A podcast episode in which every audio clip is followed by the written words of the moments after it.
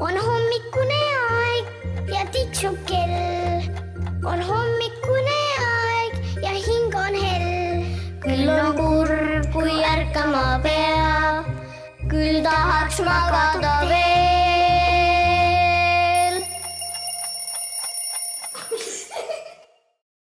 tere, tere, ahvikene. tere, tere, ahvikene. ei, ma ei ütle sulle, kes sa seal magad. ma ütlen tegelikult seda Mariale, kes on minuga siin. Seitsmeaastane Maria ja mina olen tema ema Epp. ja meil on siin selline lugu rääkida. Maria väga armastab ronida. talle meeldivad ähm, puud, torud, kapid ja muud sellised kohad, kus saab kinni hoida ja siis ma kutsun teda vahel ahvikeseks ja siis ma mõtlesingi, et tahad Maria, väike ahvike, ma räägin sulle lugusid päris ahvikestest.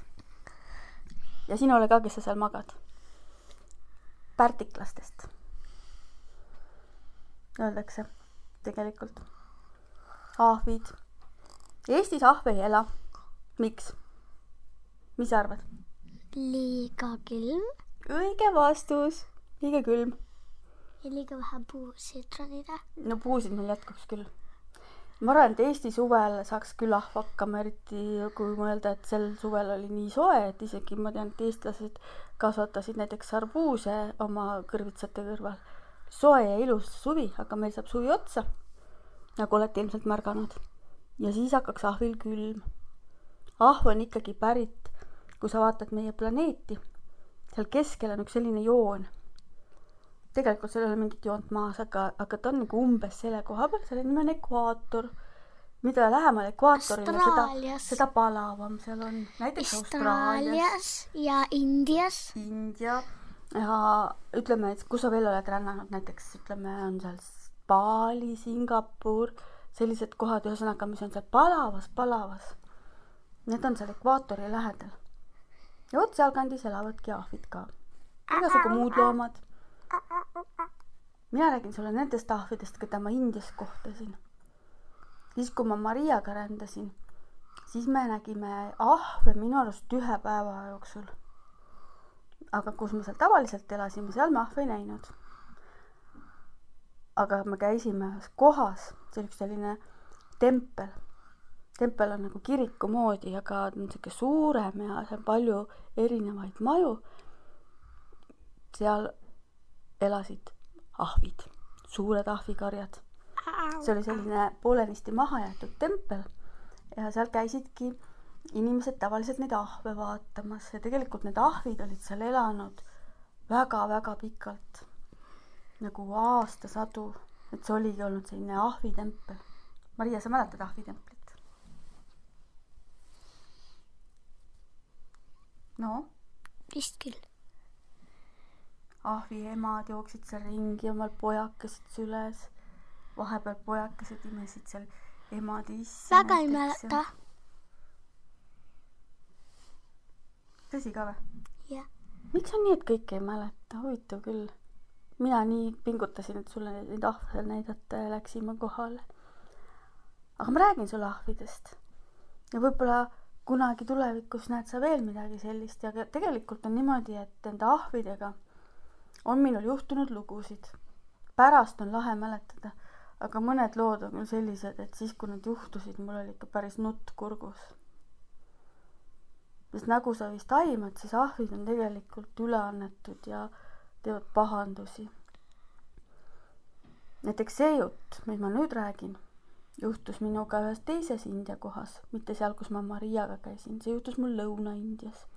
ja seal mul oli üks selline tuba, kus ma elasin mõnda aega. ja seal ma kirjutasin raamatut ja see tuba oli katusekorrusel niimoodi, et seal, kus minu tuba lõppes, seal oligi juba katus ja seal olid näiteks pesunöörid. ja mina näiteks tegin niimoodi, et ma pesin pesu seal ja siis ma panin selle pesu kuivama nende nööride otsa.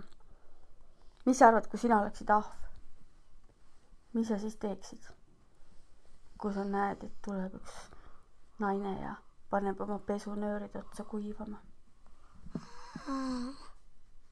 no väike ahvike, mis sa teeksid? ma hüppaksin ära, võib-olla sa luuraksid, kui naine ära läheb. näed, et naine pani ukse kinni, läks jälle oma raamatut kirjutama. siis võib-olla sa hõikaksid uuha, uuha, uuha või kuidas sa hõikad? ma seda häält. jah, ja siis tuleksid kõik sinu sõbrad. sest ahvid üldiselt on karjaloomad. kui ahvid kusagil käivad, ega nad üksi ei käi, ikka koos sõprade ja seal oligi see probleem, et kui ah-, ahvikari tuli, sest mõnikord neid ei olnud üldse siis tuli jälle, räägiti, et ahvikari on jälle külas. ja siis sa kutsudki kõik oma sõbrad ja sugulased, kutsud kõik oma karja ja sa hakkad seal nende pesudega mängima, tõmbad need lahti, vead neid kusagile siis, kui pärast naine tuleb ja hüppad teise katuse peale, võib-olla isegi natuke kakad sinna peale ja kui naine tuleb mingi välja, ta on mingi. ja siis võib-olla natuke kiigud nende pesunööridega, siis tahad vaadata, et mis siis juhtub, kas läheb katki või ei lähe. ja siis lõpuks ongi nii. mis sa arvad, mis siis edasi juhtub, kui see naine tuleb? mina tähendab. ma ei tea. siis nad muidugi jooksid ära. Mulle isegi tundus, et nad said aru, et nad olid pahandust teinud. ja põhimõtteliselt mingi minu särk ja mingi minu püksid ja mingisugune vist lina olid lihtsalt sellise koha peal, kust mina neid enam kätte ei saanudki. Nad olid seal kusagile teise katuse peale läinud. ja ma ei saanud neid sealt kätte ja mingid asjad sain kätte, need olid mustad. ja siis mulle öeldigi, et vot meil ongi selline komme siin, et siis, kui ahvid on siin meie külakandis siin koha peal, et ega siis katusele ei tasu panna või sa pead kogu aeg kõrval valvama, kuni pesu kuivab. tokiga, need ära ajama, sest neile meeldib pesu, nad tahavad seal ka mängima hakata. Nad tahavad pesunööridega kiikuda ja pulli teha. pahad ahvid. no ei ole pahad, sellised marakratid, vembutembud. ja see oli see, et ähm, kui ma pidin siis sealt oma trepist alla minema tänavale, et ma näiteks tahtsin minna kusagile sööma või poodi või, siis oli vahel niimoodi, et need ahvid lihtsalt istusid seal trepi peal. ja see on tegelikult natuke hirmus. isa sap-, ahv on päris suur ja seal on alati niimoodi, et ahvikarjal on üks juht, üks Gorilla. suur ei ole gorilla, gorilla on teine asi, ta ei olegi nagu päris ahv, gorillad on suured. me räägime ikka sellistest väikestest pärdikutest, aga, aga see kõige. suurem nendest, isas ahv, tema istub seal trepi peal ülbelt. ma tulin trepi pealt tagasi tuppa ja mul oli üks tark naabrinaine, kes mul seal kõrvaltoas elas. ma küsisin tema käest, et kuule, mis ma nüüd tegema peaks? kuidas ma alla saan? tahvid istuvad trepi peal, kardan. Sest tegelikult ma ju näiteks koeri eriti ei karda. aga samas, kui ikka mingisugune koer, suur koer su trepi peal istub, siis ikka võib-olla natukene mõt- mõtled enne. ja siis naabrinaine ütles, et aa, oot, ma annan sulle oma toika. sa pead lihtsalt vehkima toikaga ja julgelt, siis ta saab aru, et sa ei karda teda.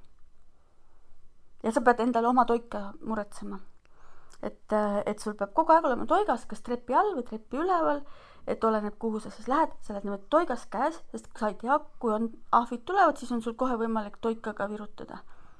ja siis ma läksingi niimoodi alla, natukene oli hirm ka naha vahel. et aga mis siis, kui ta tuleb mulle kallale?